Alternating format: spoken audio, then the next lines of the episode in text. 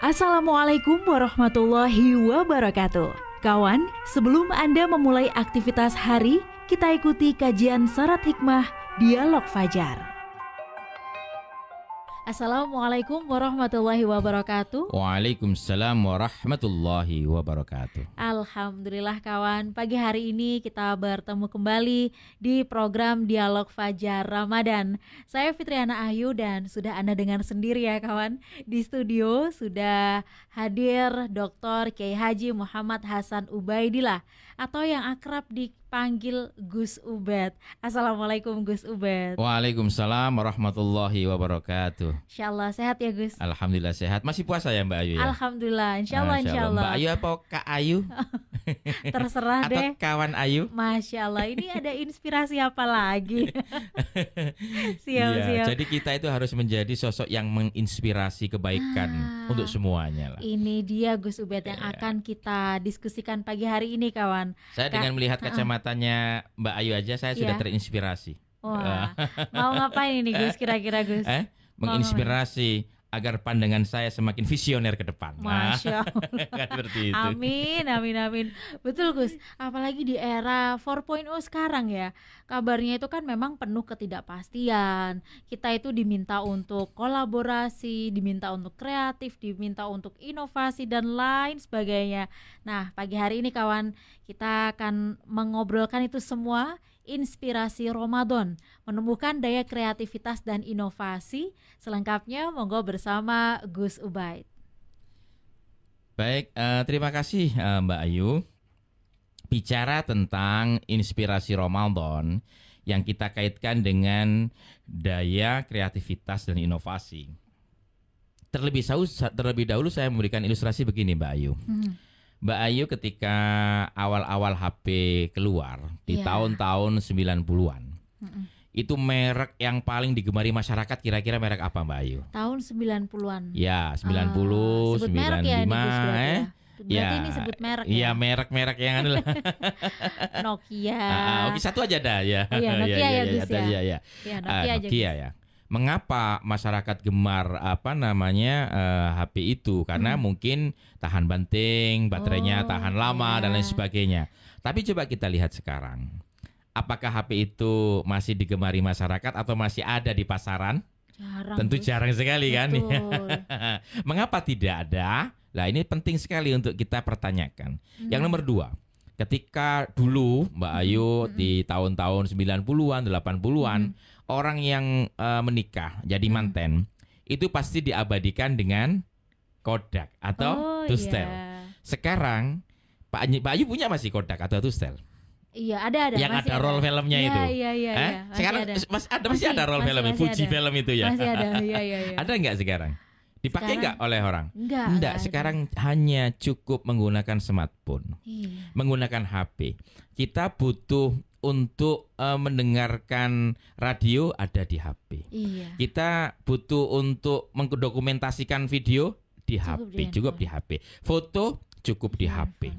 Mengapa semisal Nokia ataupun Kodak ini sekarang ini sudah langka di pasaran? Mhm. Karena apa? Kuncinya tidak bisa beradaptasi dengan Hmm. zaman. Hmm. Tidak bisa beradaptasi dengan zaman dan kebutuhan masyarakat secara luas. Inilah kuncinya. Ketika kita tidak bisa beradaptasi dengan zaman, maka kita akan tergilas oleh zaman itu sendiri. Kita Mm-mm. tinggal nama saja. Maka agar kita bisa beradaptasi dengan zaman, kuncinya adalah sebagaimana sabda Rasulullah Muhammad SAW, khairun nas anfa'uhum linnas. lunas. Kawan suara Surabaya, khairun nas anfa'uhum linnas itu adalah sebaik-baik manusia adalah mereka yang bisa memberikan kemanfaatkan kepada manusia yang lain. Hmm. Ingat ya, khairun nas anfa'uhum linnas. Sebaik-baik manusia, ya. Ya. Itu yang bisa memberikan kemanfaatan kepada Oh. manusia yang lain. Anfa'uhum linnas. Maka di sini kita penting untuk menjadi orang yang bermanfaat. Hmm. Apa yang harus kita lakukan? Kita harus bisa membaca peluang-peluang zaman. Kita harus bisa beradaptasi dengan apa yang terjadi saat ini dan itu dibutuhkan namanya daya kreativitas, Hmm. daya creativity. Dalam pengertian sederhana, bagaimana kita bisa menciptakan ide-ide baru yang sesuai dengan kebutuhan zaman saat ini. Dulu orang yang disebut kaya adalah mereka yang punya kebun yang luas, tanah yang berhektar-hektar. Hmm. Dulu ketika di era-era industri, orang yang disebut kaya adalah mereka yang punya pabrik dan semisalnya. Hmm. Ya, orang yang punya banyak kendaraan. Sekarang orang yang disebut kaya adalah mereka yang menguasai teknologi. Hmm. Ya. Dengan berbagai macam kreativitas yang dilakukan di teknologi, banyak orang-orang kaya yang luar biasa. Orang kaya nomor satu di dunia saat ini Hmm. siapa? Siapa ya? Elon Musk. Oh, iya kan? Iya, iya, iya. Itu apa? Bisnisnya bidang teknologi. Hmm. Bill Gates nomor dua itu Hmm. bidang teknologi. Ya, orang-orang kaya di Indonesia masih muda-muda sekali, ya. Model uh, bisnis startup startup itu, Oh iya. oh luar biasa kekayaannya. Mereka tidak punya sepeda motor, tapi mereka bisa mengoperasikan sepeda motor punyaan orang lain dengan hanya aplikasi yang mereka buat. Mereka tidak punya jaringan hotel, tapi mereka bisa mengoperasionalkan jaringan hotel, ya Ya. se-Indonesia bahkan sedunia dengan aplikasi yang mereka buat. Mereka tidak punya mobil sebanyak itu, tapi apa? Mereka bisa mengoperasional- mengoperasionalkan mobil dengan hanya aplikasi. Ini adalah bentuk-bentuk kreativitas. Ya, kreativitas yang dilakukan sehingga apa? Sehingga menimbulkan eh, keuntungan ya, hal-hal yang positif bagi dirinya. Kemudian juga tidak cukup itu, kita juga yang namanya inovasi, yaitu pengembangan dari apa yang ada. Mm-mm. Ya. Ketika kita bisa melakukan inovasi-inovasi, hal-hal yang yang ada saat ini, kemudian kita inovasi menjadi eh, yang sesuai dengan zamannya, maka tampilan akan menarik. Coba sekarang ini. Makanan-makanan contoh kecil atau pakaian-pakaian yang menjelang lebaran itu kan, Ya. itu kan dari inovasi-inovasi yang sesuai dengan tren zamannya Mm-mm. tren zamannya. Sehingga pakaian-pakaian busana muslimah setiap tahun bahkan setiap bulan itu ada model-model baru Iya. dari inovasi-inovasi yang ada. Maka kreativitas dan inovasi menjadi penting. Lah bagaimana Ramadan menginspirasi hal Hmm. tersebut? Mhm. Allah Subhanahu wa taala itu telah menjadikan bulan suci Ramadan ini adalah bulan untuk kita mempertajam tidak hanya akal pikiran kita, tapi juga naluri kita. Orang-orang yang puasa itu akan jernih pikirannya, akan terbuka juga hatinya. Maka di sini dia akan bisa merenungkan berbagai macam hal yang dibutuhkan oleh oleh masyarakat. Malah kalau ulama-ulama dahulu itu Mbak Ayu Hmm. ya, ulama-ulama dahulu ketika eh, beliau-beliau menulis karya-karyanya yang begitu tebal dan menginspirasi banyak orang, beliau itu senantiasa puasa. Kenapa? Dengan puasa itu ide-idenya deras. Ide-idenya Hmm. deras karena apa? Dengan puasa mereka tidak maksiat. Dengan puasa itu mereka beliau-beliau itu eh, secara konsisten untuk menulis karya-karyanya. Maka di sini menjadi penting dengan eh, kita melakukan puasa itu ag- ketika malam ya, ketika malam kita itu eh, berpikir tentang berbagai macam hal yang yang terjadi. Maka dalam Al-Qur'an dijelaskan begini. Inna fi khalqis samawati wal ardi wa ikhtilafil laili wan nahari la ayatil liulil albab. Alladzina yadhkuruna Allaha qiyaman wa qu'udan wa 'ala junubihim wa yatafakkaruna fi khalqis samawati wal ard. Rabbana ma khalaqta hadza batila subhanaka faqina adzabannar. Jadi orang-orang yang senantiasa ya berpikir ketika malam, ketika siang dengan ciptaan Allah bahwa tidak ada yang sia-sia yang telah diciptakan Allah Subhanahu wa taala. Maka dari sinilah kemudian daya kreativitas itu akan muncul. Terlebih orang-orang yang puasa ini akan dijernihkan akal pikiran dan hatinya oleh Allah Subhanahu wa Hmm. taala. Jadi it- itu eh, yang apa disampaikan. Jadi kalau orang-orang dulu juga ya, orang-orang dulu Mbak Ayu, Mhm. itu ketika pingin anaknya sakti mandraguna, zaman dulu ya, Iya. mereka melakukan tirakat kan? Oh iya. Iya, Betul. melakukan eh, min- apa punya hajat. Pingin apa, pingin jadi apa. Mereka melakukan tirakat itu puasa. Bahkan ada puasanya puasa mutih. Nah, kalau ditarik dalam era sekarang, Sekarang. sebenarnya itu adalah bagian dari bagaimana puasa yang mereka lakukan itu mendorong semangat sehingga ada apa? Energi positif. Sehingga menciptakan di sini daya kreativitas dan inovasi.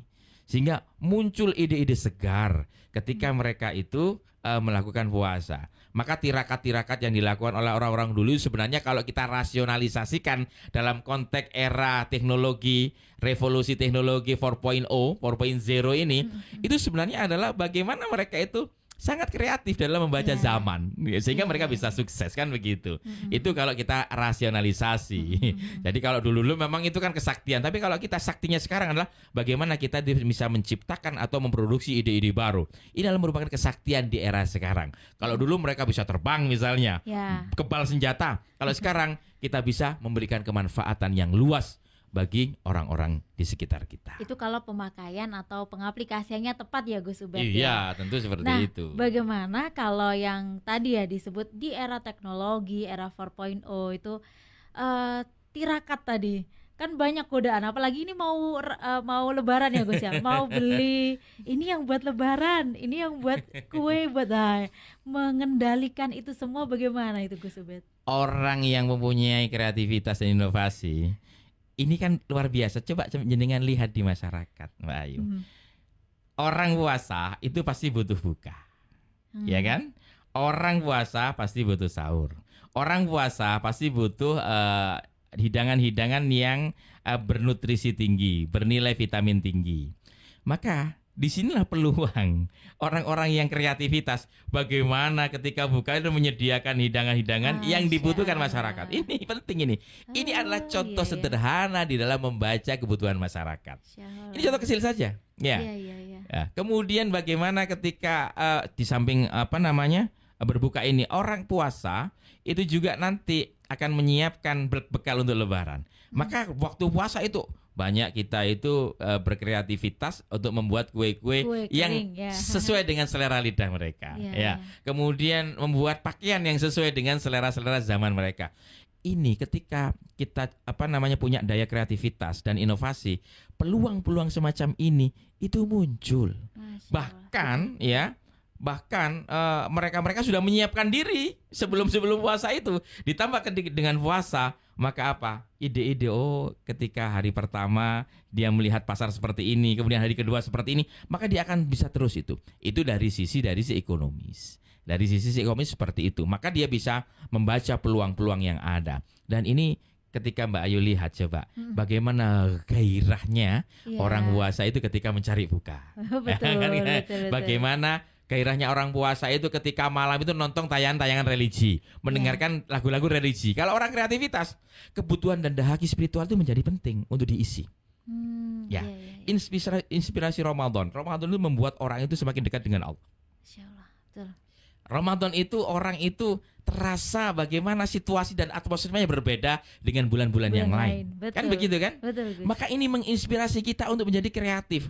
Maka ketika kita tumbuh kreatif kita di bulan Ramadan diharapkan setelah Ramadan ini kreativitas itu dapat dipertahankan bahkan di, dinaikkan. Maka Syawal itu artinya bulan peningkatan, peningkatan untuk menjadi kreatif, peningkatan untuk semakin inovatif, peningkatan untuk menjadi amal yang baik. Masya Maka ini ini menjadi uh, catatan kita bersama Mbak Ayu. Hmm, hmm. Maka inspirasi Ramadan, Ramadan ini tentu menjadikan kita ya menjadi orang yang khairun nas anfa'uhum linnas. Ada uh, tulisan Mbak Ayu yang ditulis oleh Ibnu Sina.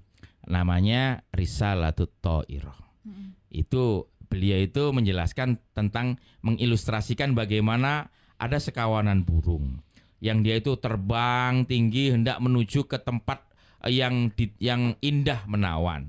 Di tengah-tengah terbang itu ada beberapa ekor burung yang terjaring pemburu, mm-hmm. kemudian diletakkan di sangkar emas. Ya, awalnya burung ini kan tidak kerasan, tapi setelah lama kelamaan ketika disediakan minum, disediakan makan tanpa bersusah payah, akhirnya burung ini kemudian menjadi terbiasa di sangkar itu dan dianggap sangkar itu merupakan tujuan akhir dari perjalanannya, padahal perjalanan masih jauh. Maka di sinilah kemudian Ibnu Sina mengatakan orang-orang yang terperangkap dengan kenikmatan dunia bagaikan burung yang terperangkap dalam sangkar itu seolah-olah dunia itu bagian dari akhir episode kehidupan mereka. Tapi mereka-mereka yang puasa, mereka-mereka yang dengan puasanya semakin mendekatkan diri kepada Allah terbebas dari belenggu itu. Sehingga apa? Pandangannya akan menjadi visioner. Tujuannya tidak hanya dunia, tapi di akhirat. Maka orang-orang yang puasa ketika dia itu punya kreativitas tidak berhenti pada kreativitas dunia. Mm-mm. Tapi apa? Tapi dia itu berkreativitas yang amal jariahnya itu nanti bisa dirasakan walaupun dia sudah meninggal dunia. Dia memiliki inovasi. Inovasi tidak berhenti pada inovasi yang bersifat material- materialistik, tapi inovasinya itu nanti akan bermanfaat menjadi jariah ketika dia sudah ada di alam barzah. Sehingga orang-orang seperti ini walaupun sudah wafat meninggal dunia, kreativitas, inovasinya merupakan jariah yang amal ibadahnya yang am, yang pahalanya terus mengalir walaupun dia sudah meninggal dunia sudah sudah wafat dan ini hanya orang-orang yang tercerahkan ketika mereka melakukan puasa, Puasa. di bulan suci Ramadan dengan penuh ketakwaan dengan penuh kerelaan dan keikhlasan hanya untuk Allah Subhanahu wa taala. Ini penting catatan ini Mbak Ayu. Mhm. Terima kasih Gus Ubed Nggih. sudah menginspirasi ya pagi hari ini supaya kita menjadi umat yang lebih kreatif dan juga inovatif begitu ya Gus Ya, ya. jangan sampai kita seperti Nokia atau Kodak Oh. yang tergilas oleh zamannya kan begitu kan ya. Oke Gus. Maka kita harus eh, khairun nas anfa'uhum linnas. Sebentar lagi saya akan mencatat kebutuhan apa untuk Lebaran ya Gus ya. Ya. Saya nggak mau kalah deh kalau jualan dengan yang lainnya. Ah, ini kan sudah mulai tumbuh kan kreativitasnya ini kan? Masya Iya kan? Allah. Karena mungkin pakai pakai kacamata ini sehingga Iya. pandangannya visioner ini kan. Masya Allah. Terima kasih Gus Iya. Ubaid. Kawan, demikian dialog Fajar pagi ini. Saya Fitriana Ayu dengan Dr. Kiai Haji Muhammad Hasan Ubaidillah, Sekretaris MUI Jawa Timur, pamit. Wassalamualaikum warahmatullahi wabarakatuh. Waalaikumsalam warahmatullahi wabarakatuh. Program Dialog Fajar Ramadan 1444 Hijriah yang baru Anda simak. Hasil kerjasama Suara Surabaya Media bersama Majelis Ulama Indonesia MUI Jawa Timur